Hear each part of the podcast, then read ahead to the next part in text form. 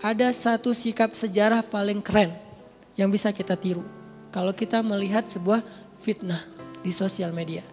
Sikap sejarah yang dicontohkan oleh keluarga Abu Ayyub Al-Ansori. Sahabat Nabi Ansor, orang-orang Ansor yang pertama masuk Islam. Yang rumahnya dipakai untuk membangun Masjid Nabawi, Abu Ayyub Al-Ansori.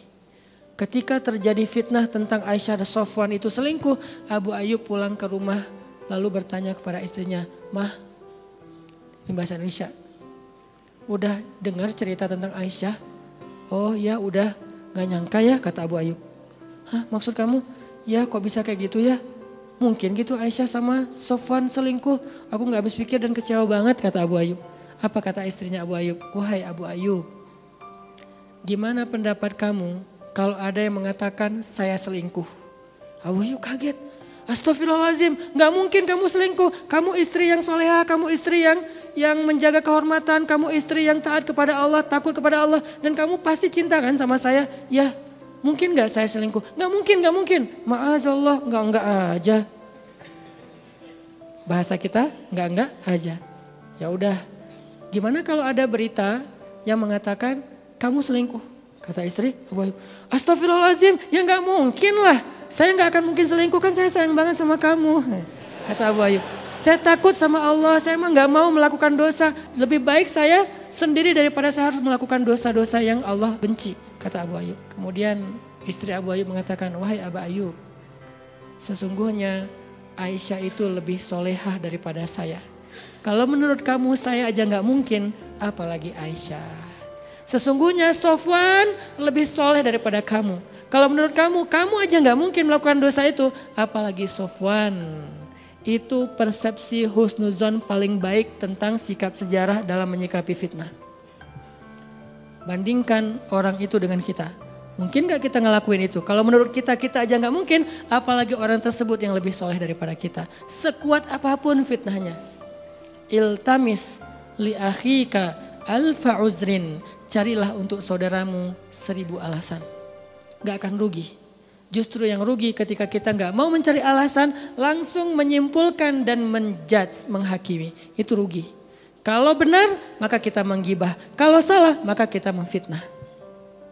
Tapi kalau kita cari seribu alasan, kalau benar, maka kita termasuk orang-orang yang sudah mencoba menutupi aib. Kalau salah, maka kita termasuk di antara orang-orang yang selamat. Itu sikap sejarah yang dicontohkan oleh keluarga Abu Ayyub. Makanya belajar sejarah itu belajar sikap, belajar moral. Tetapi bagusnya sikap dan moral itu sudah ada hasilnya. Kalau kita bikin atau menentukan sikap kita sendiri tanpa ada runut sejarah, belum jelas hasilnya bakal gimana, baik atau buruk. Kita masih trial and error kan.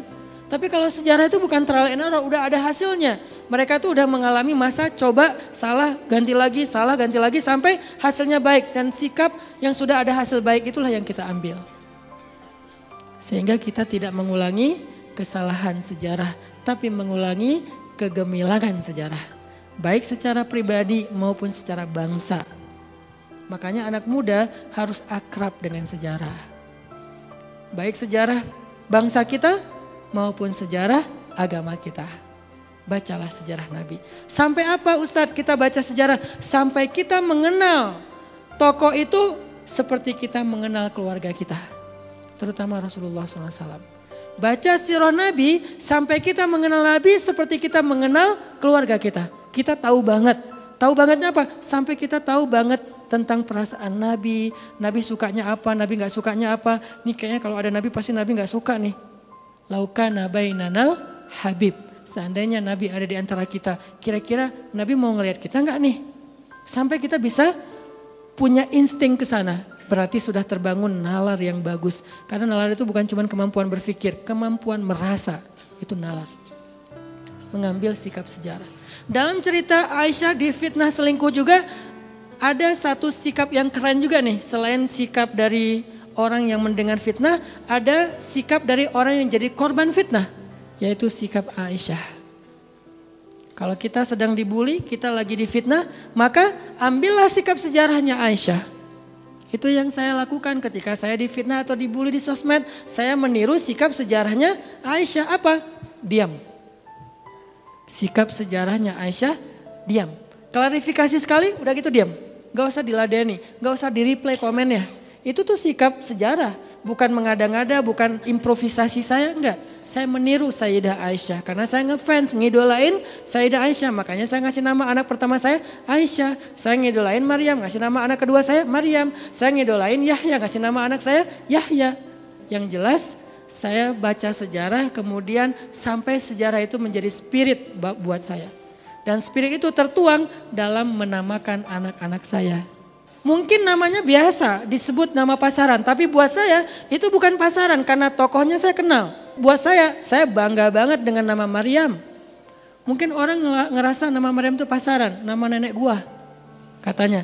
Tapi saya tahu siapa Maryam, makanya saya bangga dengan nama itu. Memanggil Maryam itu dengan pride. Karena saya tahu siapa Maryam. Dan saya berharap Maryam saya seperti Maryam yang saya idolakan. Setidaknya mendekati yang saya idolakan. Intinya adalah saya baca sejarah makanya menamakan anak dengan nama sejarah. Saya ceritakan ke anak-anak saya. Akhirnya Yahya bilang, Baba nanti kalau punya adik pengen dikasih nama uh, Yusuf. Karena saya membacakan kisah Yusuf, gimana kerennya Yusuf. Nanti kalau punya adik mau dikasih nama Daud. Karena saya bacain kisah Daud. Nanti kalau punya adik mau dikasih nama Sulaiman. Karena saya bacain kisah Sulaiman. Mau berapa aja adik kamu Yahya. Semua mau dikasih nama sejarah. Sampai saya bilang, kayaknya salah satu nama yang saya sekarang saya lagi kayak bangga banget karena lagi baca kisahnya adalah Kutuz. Tahu arti Kutuz? Kutuz itu artinya singa yang menyalak. Singa yang apa? Yang sedang bersuara keras karena marah itu namanya Kutuz. Bahasa apa itu? Bahasa Mongol yang diberikan oleh orang Mongol kepada Saifuddin. Salah satu pejuang Islam karena gagahnya, karena uh, kerasnya karena me, apa menakutkannya dia bagi musuhnya dan dia pejuang Islam pertama yang berhasil mengalahkan pasukan Mongol dalam sejarah mereka selama 30 tahun. 30 tahun nggak terkalahkan. Yang pertama bisa ngalahin Mongol, Saifuddin Kutuz. Kalau punya anak laki-laki saya kasih nama Kutuz. Artinya kita baca sejarah supaya kita akhirnya mengekspresikan diri kita dengan sejarah. Apa sikap Sayyidah Aisyah yang kita yang saya sebut dengan istilah sikap sejarah. Ini dalam tanda petik ya. Arti sikap sejarah, sikap baik yang kita baca dalam sejarah terhadap sesuatu lalu kita tiru. Itu namanya sikap sejarah. Apa sikap sejarahnya Aisyah ketika jadi objek bulian, objek hoax, berita bohong?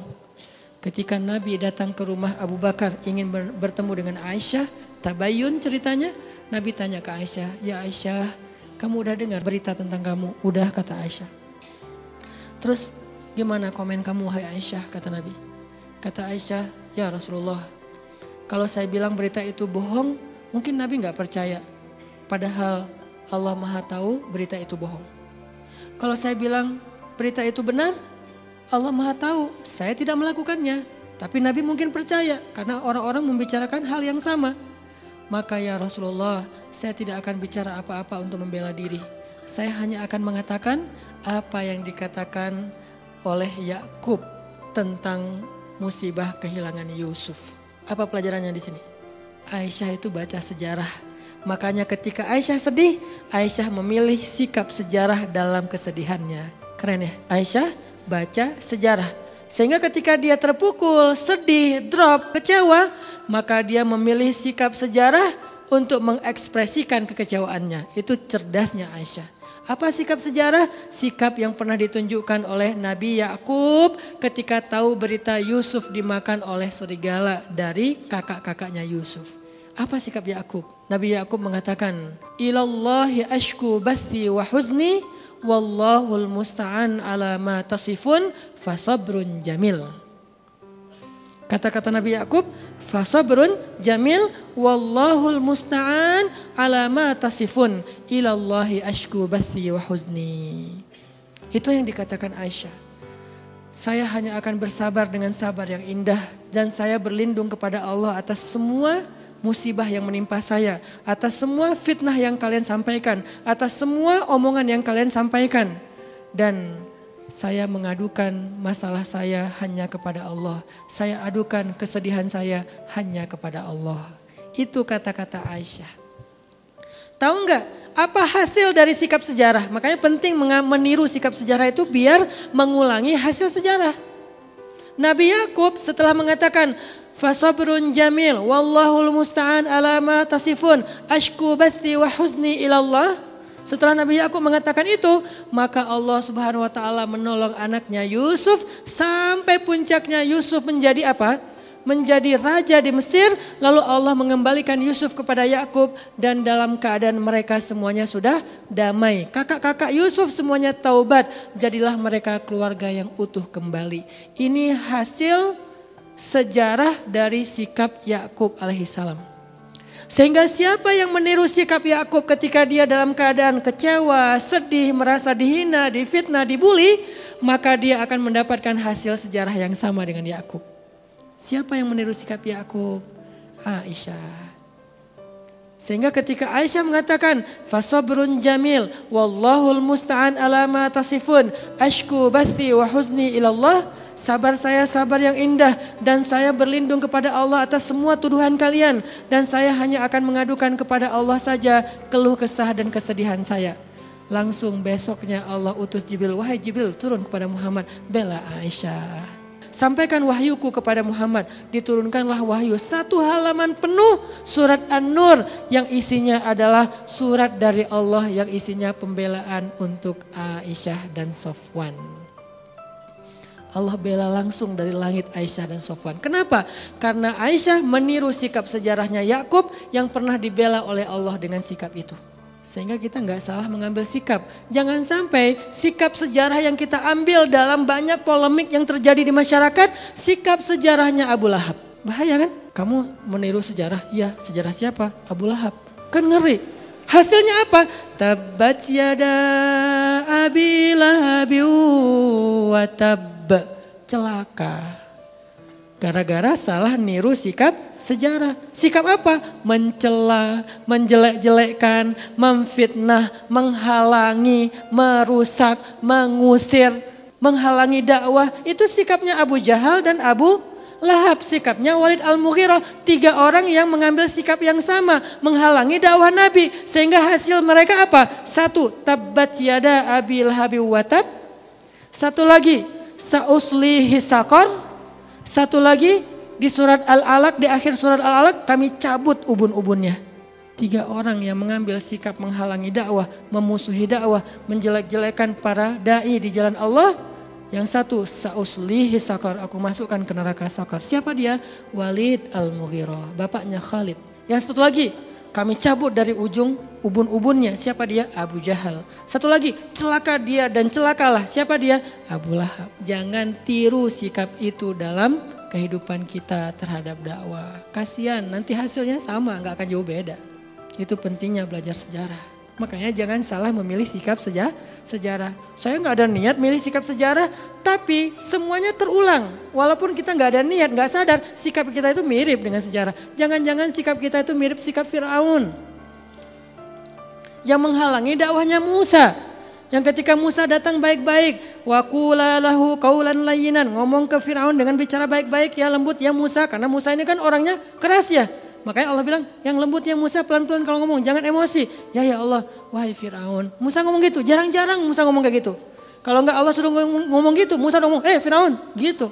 Tapi karena Allah suruh bicaralah yang lembut kepada Fir'aun. Akhirnya Musa datang pelan-pelan. Wahai Fir'aun, wahai Raja, aku ingin menasehati kamu dengan nasihat yang baik. Dengarkanlah. Fir'aun marah-marah, sombong, gak mau dengar. Memfitnah Musa. Mengatakan Musa itu ingin merusak negeri kita, ingin memecah belah di antara kita, ingin mencoreng tradisi dan nenek moyang kita, ingin menghancurkan kesatuan kita. Dia anti nasionalisme dan seterusnya. Menuduh Musa dengan tuduhan-tuduhan yang bu, yang buruk. Jangan-jangan tanpa kita sadari kita meniru sikap Fir'aun. Sehingga kita akan mendapatkan hasil sejarah seperti Fir'aun. Na'udzubillahimin zalik. Itulah pentingnya belajar sejarah. Mudah-mudahan ke depan kita akan membedah kisah-kisah yang lebih terunut lagi dari sirah nabawiyahnya Rasulullah SAW sehingga tujuannya kita bisa melatih dan mengasah nalar berpikir kita dan menentukan sikap-sikap sejarah kita supaya kita mendapatkan kebaikan yang pernah didapatkan oleh Rasul dan para sahabat. Barakallahu fikum. Allahumma inna nas'aluka ilman nafi'a wa qalban khashi'a wa rizqan wasi'a وعملا صالحا مقبولا. اللهم أعنا على ذكرك وشكرك وحسن عبادتك. ربنا آتنا من لدنك رحمة وهيئ لنا من أمرنا رشدا. واجعل لنا من كل ضيق مخرجا ومن كل هم فرجا ومن كل عسر يسرا.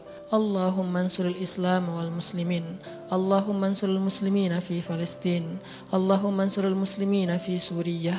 اللهم انصر المسلمين في العراق اللهم انصر المسلمين في يمن اللهم انصر المسلمين في كشمير اللهم انصر المسلمين في تركستان اللهم انصر المسلمين المستضعفين المظلومين في روهينيا.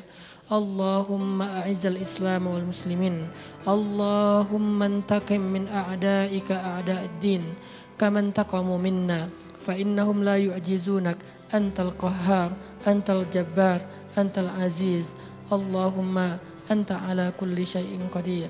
اللهم اجعل بلدنا هذا بلدا آمنا. وارزق أهله من الثمرات من أمن منهم يا رزاق يا وهاب يا فتاح يا رحمن يا رحيم. اللهم هدي شباب المسلمين. اللهم هدي شباب إندونيسيا. اللهم ارزقهم إيمانا وعملا صالحا. اللهم ألف بين قلوبهم كما ألفت بين قلوب المهاجرين والأنصار. ربنا آتنا في الدنيا حسنة وفي الآخرة حسنة وقنا عذاب النار.